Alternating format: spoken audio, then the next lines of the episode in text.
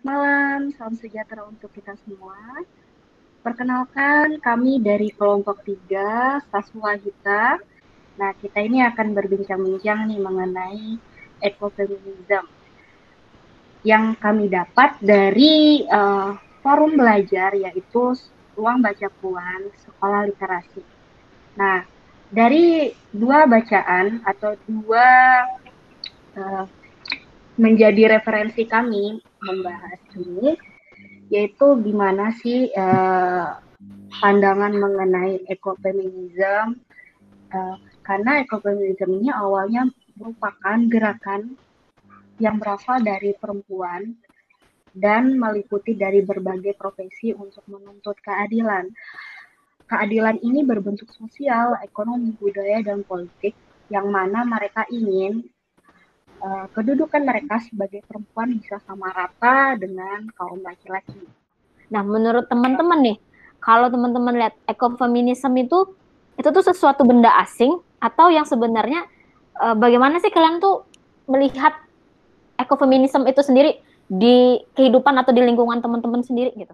Mungkin aku aku coba jawab ya mungkin uh, sebelum Kak Putri. Uh, kalau aku sendiri aku adalah orang yang uh, perempuan uh, yang hidup di uh, lingkungan urban di kota besar sama sekali nggak dekat dengan lingkungan itu sendiri. Jadi uh, sebenarnya ketika apa perjuangan akan lingkungannya itu uh, itu nggak aku dapatkan langsung di pengalamanku itu sendiri, tapi uh, bagaimana tapi dari hal-hal kecil yang aku pelajari dengan ibuku sendiri yang uh, dia juga adalah seorang perempuan, tapi dia lebih memperhatikan aspek-aspek lingkungan itu, uh, dia lebih merawat tanah lebih merawat tanaman, lebih memberikan uh, sesuatu yang uh, jangka ke depannya lebih jauh, gitu. Karena uh, mungkin uh, karena hidup kota besar, aku tidak uh, mendapatkan pengalaman melihat bagaimana sih uh, hutan itu dihabis, dihabisi atau bagaimana uh, tambang itu dikeruk habis sampai uh, menyisakan kerusakan ekologi.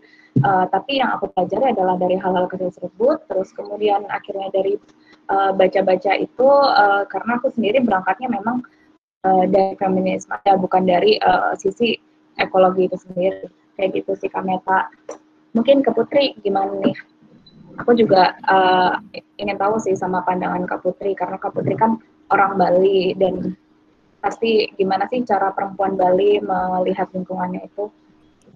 Ya oh, kalau permasalahan kayak gitu pasti ada banyak banget ya. Kalau Aku mungkin mau ngebahas ke lifestyle dulu nih. Kayak kita pasti sering kan umur-umur ya seumur-umur kita gitu sebagai orang kota gitu dan wanita yang yang mungkin bisa jadi kita bakalan jadi um, wanita karir gitu. Waktu kita diambil gitu. Tapi kita juga mungkin punya keinginan mempunyai anak. Nah, contohnya itu kayak masalah popok penggunaan popok bayi gitu kan. Kayak kita, tanpa tanpa kita sadari karena kita lebih mau hidup eh hidup yang lebih efisien kita menyang, menyampingkan isu lingkungan itu itu kita tahu itu um, salah gitu tapi kita tetap aja ngelakuin hal itu dan itu sudah menjadi lifestyle kita gitu. Gitu loh mbak. Iya nggak sih? Iya benar banget. Oh, terus kalau punya ibu mirip kayak mbak ayam. Jadi jadi ibuku tuh karena dia suka kerja di ranah domestik ngurusin dapur jadi masalah isu sampah itu harus segera diatasin kan. Nah yang ngatasin itu kenapa harus ibuku aja gitu. Kalau ini Uh, Nita, aku juga aku setuju sama kayak si ini sama si Putri dan si Ayom. Ini aku juga penasaran kan kamu kan basicnya tuh dari ilmu kepemerintahan ya. Ini sebenarnya hmm. ekofeminisme itu sudah masuk nggak sih di di pemerintah tuh sejauh mana untuk regulasinya ya misalnya memikirkan antara hubungan perempuan dan lingkungan tuh ada nggak sih sebenarnya kalau menurut Nita? Kalau menurut saya sendiri sih kak pasti ada banget sih peran perempuan. Cuma ya mungkin sekarang kita lihat juga dari beberapa aspek pemerintahan kan, itu memang masih banyak didominasi oleh kaum pria. Mungkin kita bisa uh, melakukan pergerakannya melalui hal-hal kecil. Contoh saja seperti hmm, pengambilan kebijakan, pengambilan kebijakan. Nah, biasanya kan uh, di dalam kebijakan itu ada beberapa suara yang diambil untuk membuat suatu kebijakan. Karena tujuan kebijakan itu kan untuk mengcover atau uh, menanggulangi masalah yang dapat diselesaikan dan mempunyai tujuan yang untuk dicapai. Nah, mungkin saja pengalaman saya waktu itu saya pernah lah karena saya dulu dari background ilmu pemerintahan, saya dulu ada pengalaman penelitian. Penelitiannya itu di kecamatan Nah, di penelitian di kecamatan itu saya membandingkan bagaimana intensitas kinerja antara laki-laki dan perempuan. Nah, ini juga bisa sih menurut saya berhubungan dengan uh, ekofeminisme, tapi dari sudut pandang saya. Nah, gimana sih kinerjanya antara laki-laki dan perempuan apa bisa balance? Nah, dari hasil penemuan saya, perempuan juga bisa uh, sama rata pekerjaannya, bisa uh, bekerja tepat waktu, bisa membagikan uh, waktunya untuk keluarga, untuk suaminya, untuk anaknya. Nah, itu dari aspek penelitian yang pernah saya dapatkan. Kemudian mungkin dari lingkungan saya ya, karena saya juga jujur saya juga anak rumahan dan ibu saya ibu rumah tangga. Dan kebetulan bapak saya memang kerja di tambang. Saya juga sering berbincang-bincang mengenai uh, ramah lingkungan karena memang beliau pernah ada ikutlah di dalam situ kan uh, di dalam perusahaan itu juga saya lihat kebetulan saya itu uh, daerah yang juga dipenuhi oleh pertambangan. Nah, di lubang tambang antara uh, jarak masyarakat desa di tempat saya desa Batu Kajang dengan hmm. lingkungan yang ada mempunyai sektor pertambangan itu ya lumayan jauh lah jaraknya. Cuma ketika uh, dari daerah lain melihat uh, fenomena ataupun pemandangan dari atas di tempat saya seperti gunung, itu bisa dilihat bahwa tumbuh-tumbuhan ataupun pepohonan itu udah mulai menipis, Kak. Nah, jadi kadang saya juga agak sedih kan, karena beberapa pengerokan itu uh, wilayah saya menjadi ya panas, kemudian berdebu, dan ya mobil-mobil besar yang ibaratnya mereka tidak mempunyai lahan, perjalanan untuk membawa tambang itu lewat. Jadi ya beberapa jalanan kayak infrastruktur juga mengalami kerusakan. Walaupun mereka memang punya program seperti penanaman seribu pohon, kemudian reklamasi, tapi kan kita tahu bahwa seperti reklamasi ataupun penanaman pohon itu jangkanya tidak singkat, tapi ya lumayan lama gitu kak. Hmm. Ya itu sih yang saya dapatkan dari tempat saya sendiri. Aku jadi ingat yang di buku ajuan eh buku rujukan yang dikasih ke kita ya yang ekofeminisme dari Maria Mies dan Vandana Siva. Ya di situ ada yang jelasin loh tantangan dalam gerakan ekofeminisme eko, ekofeminisme itu adalah uh, perempuan kelas menengah atau perempuan yang tinggal di perkotaan. Karena mereka tuh tidak bersentuhan langsung dengan lingkungan. Tapi Benar. sudah apa yang teman-teman yang sudah lakukan kayak contohnya Putri tadi dengan membuang popok aja sudah itu sudah aware. Menurutku itu juga sudah salah satu ekofeminisme ya. Kita tidak berbicara lagi tentang hutan. Tapi bagaimana kita juga berbicara uh, terkait bagaimana pengelolaan sampah kayak gitu. Itu sih dari tantangan yang dari aku jadi ingat dari ekofeminisme tapi bagaimana teman-teman? Uh, mungkin kalau dari aku sih kak. Nih uh, kan karena aku latar belakangnya uh, dari filsafat mungkin tadi kak uh, Nita udah jelasin nih gimana sih kalau kebijakan itu diambil. Nah, sementara kalau misalnya dari aku yang filsafat nih, memandang apa ya uh, ekofeminisme, memandang lingkungan itu seperti apa, uh, kita uh, akhirnya uh, mulai pertanyakan nih, kita memikirkan lagi, kita bagaimana sih memperlakukan alam itu yang bukan manusia, uh, kan selama ini kita uh, eksploitasi terhadap alam, kerusakan lingkungan itu kan karena kita uh, mengaruh untuk kepentingan untuk kepentingan manusia aja.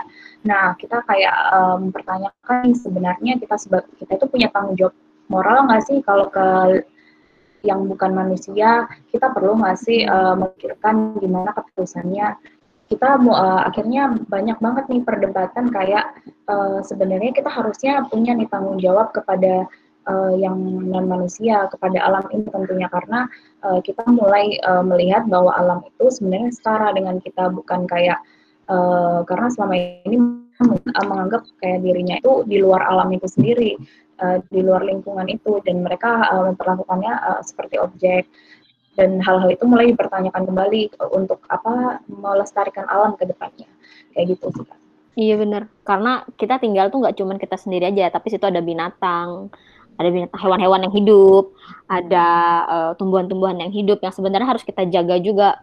Dan di planet bumi ini bukan kita aja yang tinggal, banyak banyak elemen dan unsur kayak gitu. Apa sih poin terpenting mempelajari ekofeminisme? Dari Kameta dulu deh Oke, okay, uh, eh, poin penting dari ekofeminisme tadi yang seperti aku bilang ya, yang dibahas juga sama Ayom bahwa kita tuh hidup nggak cuma diri kita sendiri aja kayak gitu, atau nggak cuma manusia aja, atau nggak cuma ada laki-lakinya aja kayak gitu. Tapi di dalam bumi itu kita ada unsur banyak, ada tumbuhan, ada uh, hewan, ada perempuan, ada apa lagi, ada pokoknya berbanyak banyak hal kayak gitu. Jadi kalau kita hanya uh, membatasi bahwa uh, ekofeminisme itu berbicara gerakan perempuan dan lingkungan, aku pikir juga kurang terlalu tepat ya, karena feminisme tidak berbicara laki-laki dan perempuan, tapi ini berbicara mm-hmm. dengan gerakan bagaimana uh, perempuan dan laki-laki bisa bersama-sama untuk uh, menjaga lingkungan dan supaya lebih seimbang kayak gitu. Jadi uh, ini aku juga mau mau kayak seperti kayak garis bawah bahwa ekofeminisme itu bukan gerakan melawan laki-laki.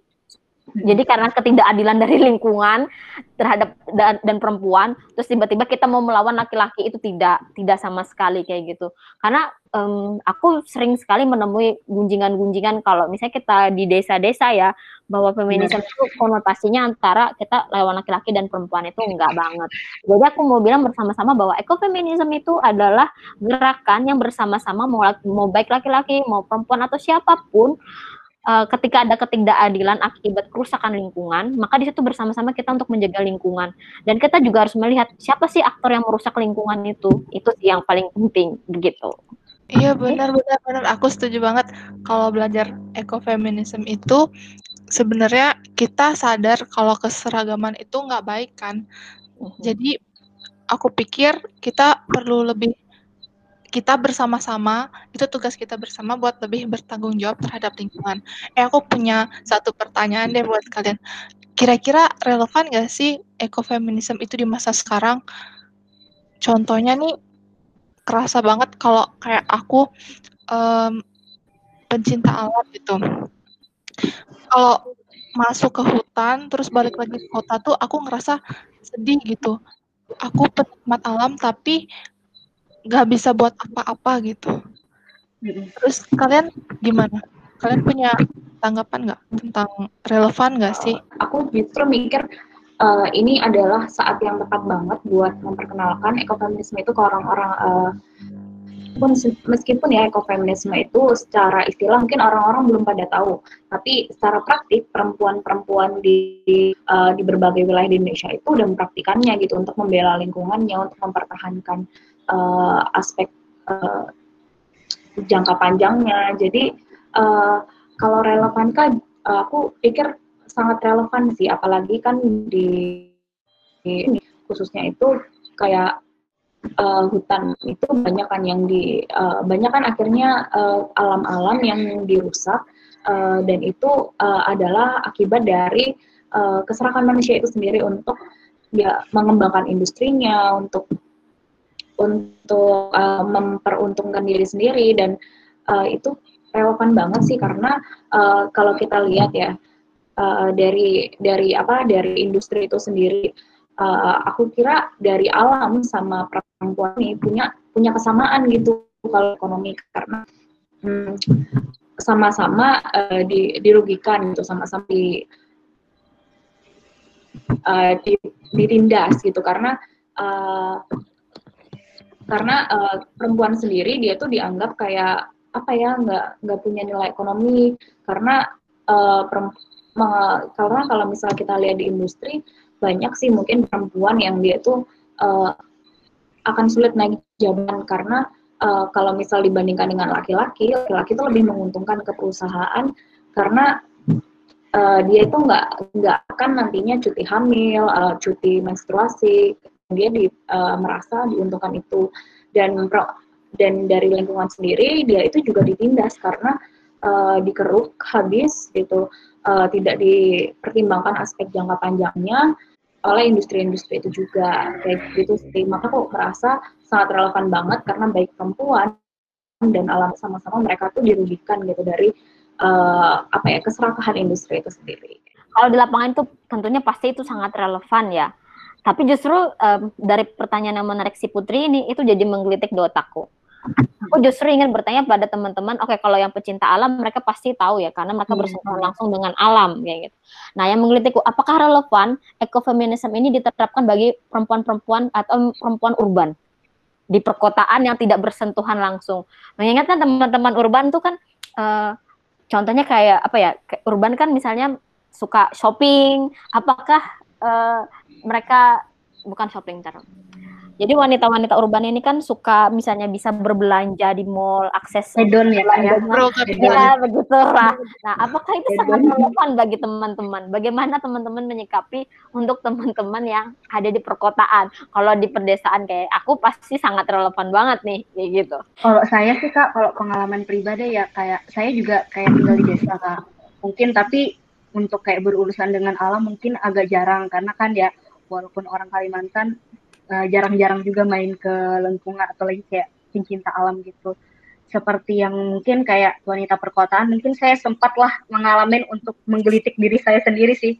Ya saya juga termasuk uh, tahun sebelumnya saya itu termasuk orang hedon yang suka membelanjakan barang hal-hal yang nggak penting yang menurut saya itu kayaknya aku belum punya barang ini deh atau enggak kayaknya lucu deh kalau aku punya.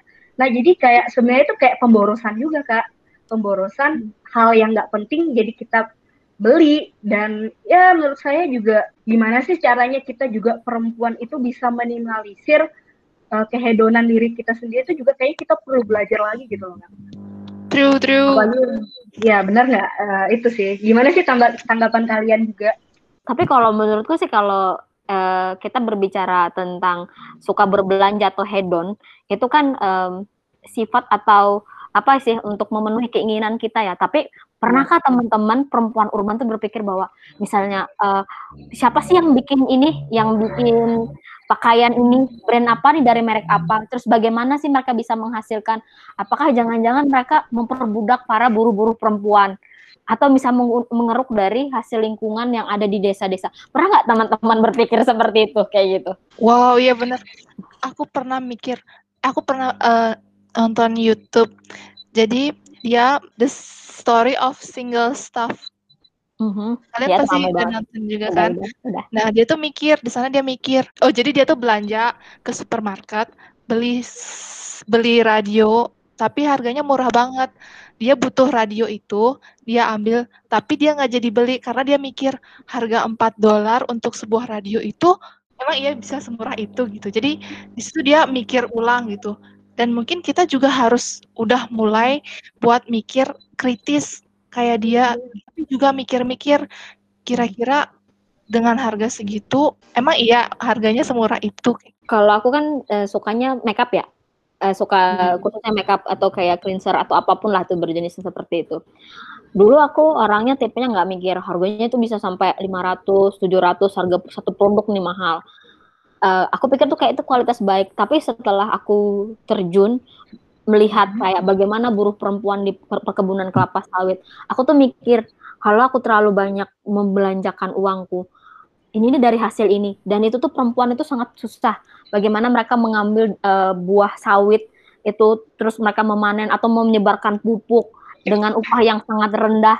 Terus aku dengan gampangnya membeli dan mendukung produk produk dari perusahaan yang mengeksploitasi perempuan kayak gitu. Itu tuh itu tuh hmm. jadi kayak terpukul dan film yang di film disebut Putri itu juga memukul aku banget dan dari situ tuh kayak sekarang tuh lebih aku tidak bilang aku memutuskan aku tidak menggunakan hal apa pun yang mengandung uh, kelapa sawit tidak tapi aku lebih baik mengurangi dan ya mengurangi untuk uh, penggunaannya kayak gitu nah itu sih yang pengen yang aku tuh pengen ngeliat sih dari teman-teman yang dari di perkotaan ya kayak teman-teman yang di Yogyakarta kayak gitu. Terus yang sini tadi Malang kayak gitu. Ya nah ini menarik sih kak. Karena ya kan uh, sebagian karena aku tumbuh di kota besar akhirnya aku uh, kurang memahami gimana lingkungan itu yang uh, kalau kita di daerah kita mungkin berhadapan langsung gitu. Melihat gimana kerusakan alam itu langsung jadi uh, sementara uh, aku sendiri uh, ini mungkin aku aku juga baru uh, menyadari akhir-akhir ini bahwa akhirnya uh, mulai menilik lagi uh, apa hal-hal yang aku pakai itu sendiri itu asalnya dari mana? Sikat dari metode lagi. Uh, bahkan dari uh, make dari uh, skincare pun itu uh, banyak bahan-bahannya yang diambil itu justru uh, merusak lingkungan gitu. Uh, dengan tujuan uh, istilah apa ya? Mem mempercantik diri gitu. Dan itu kan uh, sama sekali nggak sepadan gitu. Hal yang dibayarkan untuk merusak lingkungan dan untuk mempercantik diri padahal kan bisa uh, kita mengembangkan hal-hal yang lebih alternatif uh, lainnya untuk dijadikan bahan dari skincare itu sendiri. Kalau saya sendiri sih kak, ya gimana cara kita minimalisir aja sih kayak Benar. Hmm, mungkin juga ya sebenarnya kita pengen sih yang alami gitu kan dari bahan-bahan yang alami yang bisa kita buat sendiri. Tapi karena ada yang sudah fleksibel yang udah jadi mungkin ya kita tergiur juga untuk beli. Ah barang itu. Iya. Uh, mungkin ini juga ini kak aku jadi keingat sesuatu sih.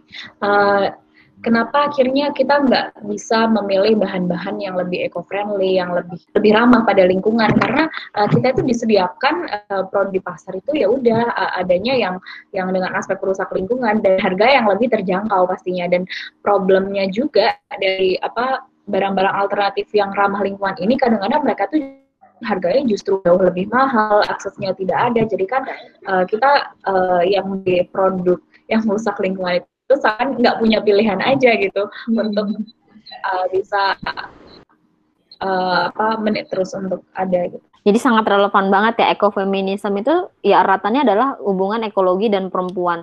Tapi bagaimana misalnya uh, lingkungan rusak itu menimbulkan ketidakadilan pada perempuan. Terus kenapa sih lingkungan rusak? Karena adanya misalnya pertumbuhan perusahaan besar, besar uh, pertumbuhan perusahaan sawit yang sangat besar-besaran, yang sangat masif kan. Dan terus uh, perusahaan sawit ini gunanya apa untuk produk-produk yang kita pakai. Sebenarnya kita tuh secara tidak langsung itu ikut andil dalam um, apa ya bukan mendiskriminasi sih lebih tepatnya tuh tidak uh, secara tidak langsung kita tuh mengeksploitasi uh, perempuan yang ada di akar rumput khususnya yang ada di pedesaan. Karena lahan mereka itu diambil untuk memproduksikan produk yang kita gunakan selama ini. Benar nggak sih benar. benar benar sekali iya kan kayak gitu. Itu tuh aku habis baca baca buku ekofeminisme tuh justru aku lebih kayak wah lebih aware lagi nih kayak gitu. Lebih menyadari bahwa ekofeminisme itu bukan sekedar gerakan tapi itu juga suatu refleksi hidup kita bagaimana kita juga bisa menerapkan di kehidupan kita sehari-hari kayak gitu. Jadi kesimpulan yang aku dapat dari belajar ekofeminisme ini, aku menyadari ketidakadilan, tetapi aku berani buat memilih gitu loh mbak dari memilih memilih untuk lebih bertanggung jawab dengan pilihanku terutama produk yang akan aku pakai. Apakah ini peduli terhadap lingkungan? Apakah aku perlu menggunakan ini? Maksudnya lebih perhitungan tentang itu gitu. Yang sebelumnya mungkin aku nggak pernah mikir tentang itu. Aku jadi sekarang itu lebih mikir baju apa yang harus aku pakai apakah aku mau beli lagi dan ngikutin fast fashion atau aku beralih ke baju second hand yang masih bagus dan harganya terjamin dan aku bisa irit uang juga tentang makanan yang aku pilih. Apakah aku ingin memilih makanan yang lebih sehat dan lebih murah tentunya karena itu lokal dan itu contohnya tuh kayak buah sayur itu kan murah daripada kita ngikutin keinginan kita makan karena gaya hidup misalnya diajakin temen gitu mungkin aku lebih mindfulness dalam memilih. Jadi pesannya itu mungkin kita harus lebih mindfulness terhadap diri kita sendiri untuk keberlangsungan bersama. Mungkin kalau dari aku sendiri akhirnya apa ya melakukan pembacaan terhadap ekofeminisme terus uh, apa semacam kesan kesadaran yang terbentuk yang akhirnya aku pertanyakan ulang kepada diriku sendiri akhirnya ternyata uh, pembangunan-pembangunan yang ada apa ya as modernitas modernisasi kota ini itu yang di, merugi uh, sama-sama mereka tuh uh, merugikan lingkungan gitu bahwa perempuan dan lingkungan itu uh, punya apa ya koneksi yang karena sama sama-sama ditindas oleh pembangunan yang ada. Um, mungkin kalau dari hal kecil bagaimana? Ya kira kita uh, menurutku kesadaran itu penting sih untuk uh, memahami bahwa uh, perempuan uh, bersama lingkungan itu punya koneksi yang kuat mereka uh, sama-sama ditindas akibat pembangunan dan uh, itu jadi refleksi yang penting gimana sih kita kita mengagung-agungkan peradaban yang lebih maju. Tapi sementara itu tuh uh, merugikan dua aspek itu gitu. Dan itu kan uh, menjadi apa ya penyadaran bahwa uh, selama ini kita uh, hidup itu uh, kita sangat apa uh, antroposentris sama sekali gitu. Kayak kita hanya mempertimbangkan aspek manusia aja tapi kita nggak mempertimbangkan aspek manusia gitu. Kita melihat uh, lingkungan sebagai objek sama dengan perempuan itu sebagai objek gitu. Ketika ketika mereka ditindas di uh, membangun pembangunan sendiri dan ketika menyoal uh, dan ketika menyoal hal-hal yang apa ya sih yang bisa kita lakukan yaitu uh, benar uh, mempertanyakan lagi barang-barang yang kita dapat ini semua itu dari mana? Uh, apakah prosesnya menindas perempuan? Apakah prosesnya merusak alam? Uh, dan bagaimana uh, kita bisa mencari alternatif-alternatif uh, di luar yang merugikan tersebut? Uh, gimana bisa apa menghargai kerja-kerja uh, buru-buru perempuan yang uh, di akar rumput gitu. Jadi semacam apa ya kesadaran, refleksi, uh, punya, punya pengetahuan bahwa oh akhirnya uh, oh bahwa pembangunan-pembangunan yang kita sebut sebagai kemajuan itu justru merugikan banyak aspek. Jadi kita bisa tanya lagi, pembangunan ini sebenarnya baik atau enggak sih? Uh, bagaimana kak? Siapa yang sebenarnya kita mau apa eh, kita mau untungkan dari ini semua? Kita tuh bisa tanya lagi soal oke mungkin uh, dari apa yang saya pelajarin dari ekofeminisme ini uh, bisa membuka uh, wawasan kita lebih luas bahwa kita mempelajari ini uh, sebenarnya bukan untuk perempuan tetapi kaum laki juga wajib menurut saya wajib banget sih mempelajari ekofeminisme apalagi uh, dari aspek pemerintah sendiri bahwa hmm, mungkin kayak isu-isu gender seperti ini kan dia masuk kategori gender gini hanya beberapa laki-laki yang paham maksud dari makna dari ekofeminisme itu sendiri. Jadi ya uh, menurut saya sendiri ya ya kita sama-sama saling mengedukasi seperti apa sih ekofeminisme itu bentuknya.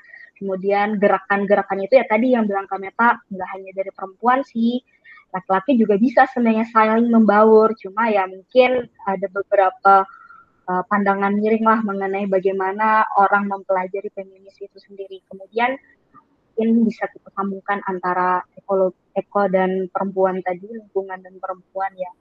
Kita juga uh, untuk saya pribadi ataupun untuk teman-teman dan uh, untuk pendengar kita bisa sama-sama belajar lebih bijak, menjaga lingkungan, kemudian uh, membelanjakan yang memang hal-hal itu dipentingkan dan lihat bagaimana dampak-dampak dengan keborosan ataupun uh, tidak bisanya kita minimalisir barang yang ibaratnya itu uh, dampaknya nanti merusak lingkungan seperti itu.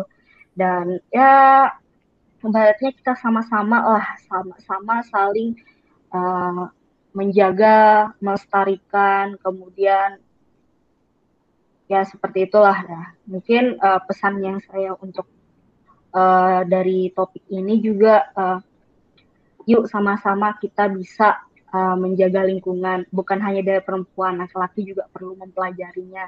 Dan kita ya uh, sebagai perempuan juga uh, harus lebih apa ya lebih bisa uh, sama-sama bisa membangun lah bukan hanya dari laki-laki tapi perempuan juga bisa aku menambahkan dari teman-teman karena aku pikir itu sudah banyak lengkap. Um, setelah aku membaca ekofeminism, aku jadi sadar bahwa sebenarnya perempuan itu sangat luar biasa. Kenapa? Ekofeminism itu adalah uh, suatu solidaritas gerakan perempuan dari berbagai dunia dibangun dan dan menarik itu dari latar belakang yang berbeda. Terus kita tuh punya visi yang sama. jadi aku pikir um, perempuan ini nih sangat luar biasa karena adanya ekofeminisme kita bisa bersama-sama bergerak dan memperjuangkan hak-hak perempuan atas ketidakadilan lingkungan. Itu sih yang yang refleksi yang aku dapatkan. Dan terus juga hal apa yang bisa aku lakukan untuk uh, untuk aku apa misalnya untuk aku aku aplikasikan ke kehidupanku sehari-hari adalah salah satu contohnya dengan kita malam ini adalah podcast dengan apa yang kita bicarakan, apa yang kita sampaikan, materi apa yang mau kita sampaikan untuk orang-orang di luar, ini bisa bisa bisa apa ya? Bisa bersama-sama orang luar tuh juga belajar gitu. Apa sih ekofeminisme? Bagaimana ekofeminisme seperti itu? Dan ini bukan jadi barang asing atau benda asing. Itu kalau pesanku sendiri adalah nggak um, terlalu banyak sih ya. Karena teman-teman sudah beri pesan banyak banget tadi. Pesanku adalah um, selalu bahagia dan selalu menjaga lingkungan. Itu aja. Salam adil lestari. Iya. Itu sangat berbincang-bincangnya uh, menarik sekali ya membicarakan masalah ekonomi menarik banget apalagi yang kita awalnya awam kayak saya atau mungkin teman-teman juga yang baru mendengar kata-kata ekofeminisme tuh apaan sih sebenarnya itu jadi dengan adanya diskusi kita melalui podcast ini jadi ya semakin menarik, semakin bisa menambah edukasi kita, menambah wawasan, kemudian mungkin uh, nanti uh, bisa memberikan manfaat bagi orang-orang yang mendengar celoteh kita ya. Oke, okay, um, sekian untuk podcast ini dan terima kasih.